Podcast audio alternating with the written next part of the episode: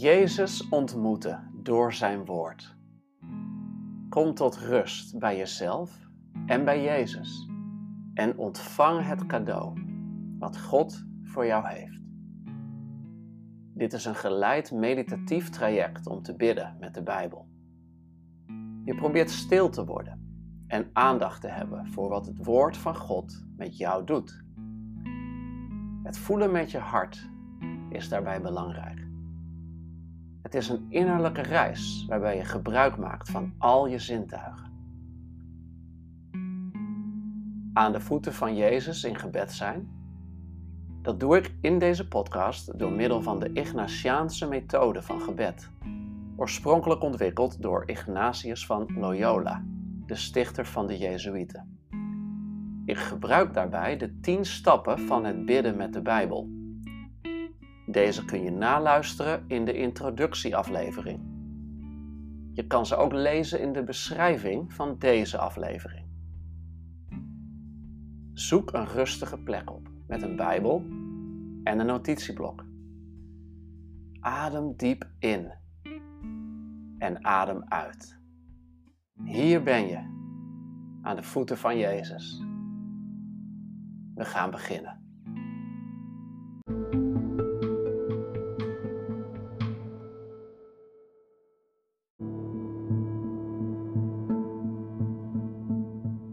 Het onderwerp van vandaag is Jezus draait het om. En ik lees uit Lucas 7, vers 36 tot 50 uit de NBV-vertaling. Een van de fariseeën nodigde Jezus uit voor de maaltijd. En toen hij het huis van de fariseeër was binnengegaan, ging hij aan tafel aanliggen. Een vrouw die in de stad bekend stond als zondares had gehoord dat hij bij de fariseeër thuis zou eten en ze ging naar het huis met een albasten flesje met geurige olie. Ze ging achter Jezus staan aan het voeteneinde van het aanlichtbed. Ze huilde en zijn voeten werden nat door haar tranen. Ze droogde ze met haar haar, kuste ze en wreef ze in met olie. Toen de fariseer die hem had uitgenodigd dit zag, zei hij bij zichzelf: als hij een profeet was, zou hij weten wie de vrouw is die hem aanraakt, dat ze een zondares is. Maar Jezus zei tegen hem: Simon, ik heb je iets te zeggen. Meester, spreek, zei hij. Er was eens een geldschieter die twee schuldenaars had. De een was hem 500 denari schuldig, de ander 50. Omdat ze het geld niet konden betalen, schuld hij beiden hun schuld kwijt. Wie van de twee zal hem de meeste liefde betonen? Simon antwoordde: Ik veronderstel degene aan wie hij het grootste bedrag heeft kwijtgescholden. Hij zei tegen hem: Dat is juist geoordeeld. Toen draaide hij zich om naar de vrouw en vroeg aan Simon: Zie je deze vrouw? Ik ben in jouw huis te gast en jij hebt mij geen water voor mijn voeten gegeven. Maar zij heeft met haar tranen mijn voeten nat gemaakt en ze met haar haar afgedroogd. Je hebt me niet begroet met een kus, maar zij heeft, sinds ik hier binnenkwam, onophoudelijk mijn voeten gekust. Je hebt mijn hoofd niet met olie ingevreven, maar zij heeft met geurige olie mijn voeten ingevreven. Daarom zeg ik je, haar zonden zijn haar vergeven, al waren het er vele, want ze heeft veel liefde betoond. Maar wie weinig wordt vergeven, betoont ook weinig liefde. Toen zei hij tegen haar: Uw zonden zijn u vergeven. Zijn tafelgenoten dachten bij zichzelf: Wie is hij dat hij zelfs zonde vergeeft? Hij zei tegen de vrouw: Uw geloof heeft u gered. Ga in vrede. Daar stoppen we voor vandaag met de lezing. Je kan zometeen in je eigen Bijbelvertaling dit nogmaals lezen. Schrijf op wat God allemaal tot jou spreekt. En maak daarbij gebruik van de tien stappen van het bidden met de Bijbel. Neem de tijd hiervoor en ontvang het cadeau dat God voor jou heeft. Stel ook deze vragen aan de tekst. Hoe gaat het met deze vrouw? Waar geeft ze om? Waar komt ze vandaan? Hoe reageert Jezus op de vrouw? Hoe reageert Jezus op Simon? Hoe kijken anderen naar deze vrouw? En hoe reageert Jezus op hen?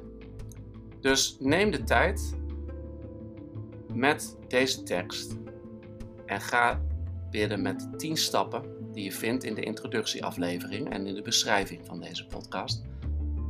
En ook met deze extra vragen die ik uh, net voorlegde.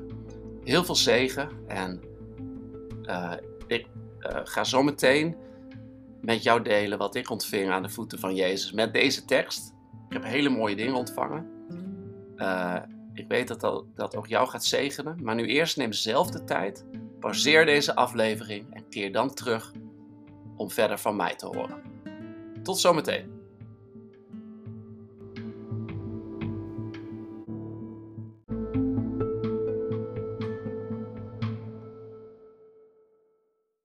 Geloof dat je een mooie tijd hebt gehad met dit Bijbelgedeelte aan de voeten van Jezus en dat je een persoonlijk cadeau hebt ontvangen, of zelfs meer dan één. Eh, wat ontzettend mooi wat, wat we hier leren van Jezus over genade en over hoe we omgaan met genade, met vergeving. En ik hoop dat je ook naar de vragen hebt gekeken die ik, uh, ja, die ik eerder met je deelde. Van uh, hoe reageert Jezus op deze vrouw? Hoe kijken anderen naar deze vrouw? Maar wat ook interessante vragen zijn om te stellen, en dat is onderdeel van de tien stappen van het bidden met de Bijbel, is: wie ben jij in dit verhaal? Want er zijn natuurlijk meerdere personages in dit verhaal en de vraag is: wie ben, wie ben jij? En toen ik dit las, dan vroeg ik: wie ben ik in dit verhaal? Ben ik de vrouw die heel veel gezondigd heeft en die ontzettend blij en liefdevol is naar Jezus, omdat ze weet dat ze zoveel vergeven is? Ben ik Simon, die wat karig is in zijn gastvrijheid en zich niet realiseert dat vergeving er ook voor hem is, maar hij, heeft, hij voelt eigenlijk zich weinig vergeven, dus hij betoont ook weinig liefde? Ben ik Jezus die genadig is naar allebei? Wiens vergeving beschikbaar is voor zowel de vrouw als voor Simon. Wie ben ik in dit verhaal? Wie ben jij in dit verhaal? Laten we eens door de tekst heen gaan. Nou, we zien hier dat een van de fariseeën, we weten dat hij Simon heet, Jezus thuis uitnodigt. En uit de vorige tekst bleek hè, dat Jezus ook een boodschap had voor de fariseeën. Eh, de fariseeën die zich niet hadden laten dopen door Johannes, had Jezus van gezegd, het is eigenlijk nooit goed voor jullie. want Johannes eet en drinkt niet en jullie zeggen, hij is bezeten. De zoon des mensen eet en drinkt wel. En jullie zeggen, hij is een veelvraat en een vriend van zondaars. Maar toch, wat mooi is, Simon nodigt Jezus dan wel uit bij hem thuis. Dat is op zich al best wel bijzonder. En Jezus gaat ook uh, in op de uitnodiging. En dan gaat daar aan tafel aanleggen en dan komt er een vrouw die bekend staat als zondares. En uh, zij weet dat Jezus daar uh, gaat eten. En ze gaat daar naar binnen. En dan zie je eigenlijk dat er dus drie personages zijn die eigenlijk alle drie ongehoord verdrag gaan vertonen. Dat viel mij op. Want ja, wat die vrouw doet is ongehoord. Ze staat bekend als zondares en wat doet ze? Ze gaat Jezus' voeten kussen. Ze gaat met haar haar zijn voeten wrijven. Ze, ze houdt niet op met het kussen van zijn voeten. Dat is ongehoord. Ongehoord gedrag. Zien we. Simon vertoont ook ongehoord gedrag. Want ja, hij is helemaal niet gasvrij. Hij heeft Jezus in eigen huis. En zelfs als hij niet zou beseffen wie Jezus is, dan heeft hij een mens in zijn huis. En in die tijd was het heel gebruikelijk om als je een gast had, om die persoon te begroeten met een kus. En om diens voeten te wassen, zoals het nu heel gebruikelijk is om iemands jas aan te nemen. Of een koffie te zetten voor iemand. En hier eigenlijk is het alsof je te gast bent bij iemand, maar de jas wordt niet aangenomen, de koffie wordt niet gezet. Dus het is ongehoord wat Simon hier vertoont. Ongehoorde, uh, ongehoord gebrek aan gastvrijheid. Ja, en Jezus, dienstgedrag is ook ongehoord. Hij vertoont ongehoorde genade. Nou, dat viel mij op. Drie personen die alle drie ongehoord verdrag, uh, gedrag vertonen. Nou, wat me nog meer opvalt als ik door deze tekst heen lees, uh, is dat die vrouw, die, die, die maakt haar haren los, helemaal niet gepast, hè, ongehoord, en die gaat Jezus voeten wassen. En dan gaat ze haar voeten drogen met haar haar. Maar vervolgens draait Jezus de zaken om. En daarom heb ik deze aflevering ook genoemd: Jezus draait het om. Wat, wat draait hij om? Nou, uh, alle priemende ogen die gaan naar de vrouw. Maar Jezus' ogen gaan naar de fariseer. Hij is schuldig aan slechte gasvrijheid, wat een sociale blunder is. Dus uh, Simon verwacht ten volle dat Jezus ook de vrouw zou veroordelen.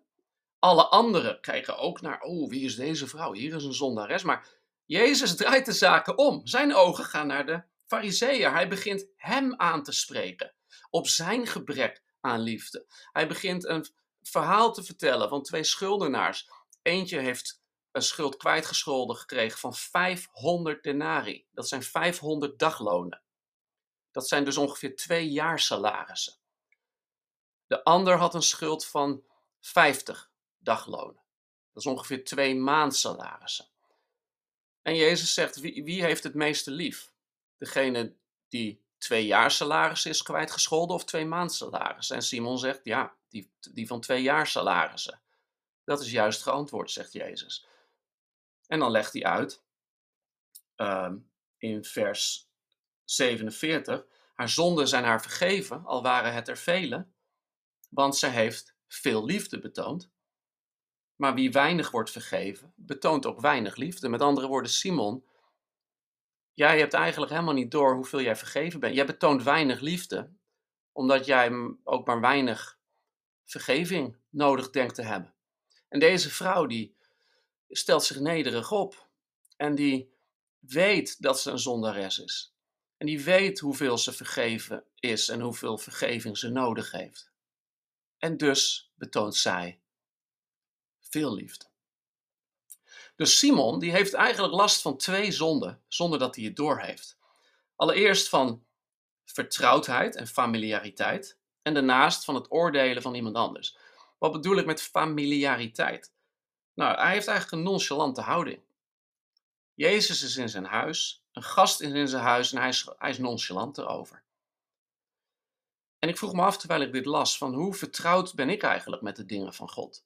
Ben ik misschien wat nonchalant geworden over mijn vergeving? Hoe blij ben ik nog in de aanwezigheid van Jezus?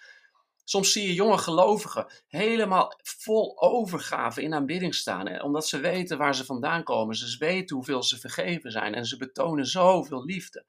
Ze geven alles. Misschien ben jij wel zo begonnen in je leven. En, maar waar zijn we nu? ik, ik moest echt in de spiegel kijken toen ik dit las. Betoon ik nog steeds zoveel liefde? En, en, en, en weet ik nog steeds hoeveel ik vergeven ben? Of ben ik eigenlijk gestopt met zoveel liefde betonen omdat ik wat nonchalant ben geworden en familiair met Jezus en met zijn vergeving? Als het gaat om Jezus draait het om. Dan viel me nog iets op. Eh, in deze tekst. Want Jezus, hè, die, die deelt dus die gelijkenis hè, over die uh, twee schuldeisers, wie veel schuld is kwijtgescholden. Um, maar daarna draait hij zijn eigen voorbeeld om in de richting van deze vrouw.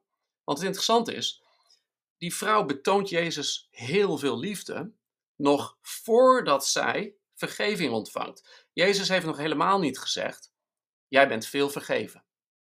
Jezus heeft helemaal haar zonde nog niet vergeven. Terwijl in het voorbeeld wat Jezus noemt, wordt degene met schuld eerst heel veel vergeven en dan betoont hij veel liefde.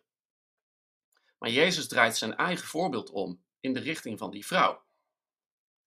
Zij betoont hem heel veel liefde voordat zij vergeven is. Met andere woorden, zij heeft geloof. En daarom zegt hij tegen haar, geloof ik, in vers 50, uw geloof heeft u gered. Welk geloof? Nou, haar geloof dat ze al vergeven was, nog voordat ze het wist. Dat ze al vergeven was, nog voordat Jezus het zei. Haar geloof in de onuitputtelijke genade van God. En blijkbaar wist de vrouw, ik betoon Jezus al mijn liefde, wetende dat ik al vergeven ben. Dat was haar geloof. Wauw. En dit confronteert mij. Hoeveel geloof heb ik eigenlijk in de genade van Jezus? En hoeveel liefde betoon ik nog? Ben ik als de vrouw die veel liefde betoont omdat ze weet dat ze veel vergeven is?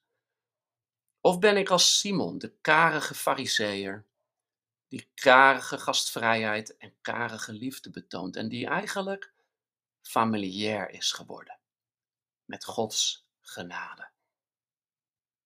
Maar ook voor Hem is Jezus aanwezig. En ook voor Hem is er genade. Dus ook al ben ik Simon, dan mag ik weer weten dat Jezus ook bij mij thuis wil eten. En dan mag ik Hem weer met gastvrijheid gaan ontvangen. Dan mag, ik, mag ook ik Hem al mijn liefde betonen. Ik mag meer eer gaan geven aan mijn gebedstijd met Jezus. Ik mag weer worden als een kind in zijn aanwezigheid. Ik mag weer dansen aan zijn voeten. Ik mag mijn handen weer heffen in aanbidding. Ik mag weer alles geven, omdat mij alles is vergeven. Hoe zit het met jou? Wie ben jij? Ben jij Simon? Ben jij de vrouw? Of ben je Jezus? En is er iemand die jij overvloedig mag gaan vergeven? Omdat je zelf ook zoveel bent vergeven. Jezus draait het om. Hij draait oordeel van de ander om naar een beoordeling van jezelf. Hij draait uh, schuld om naar genade. Hij draait alles om. Amen.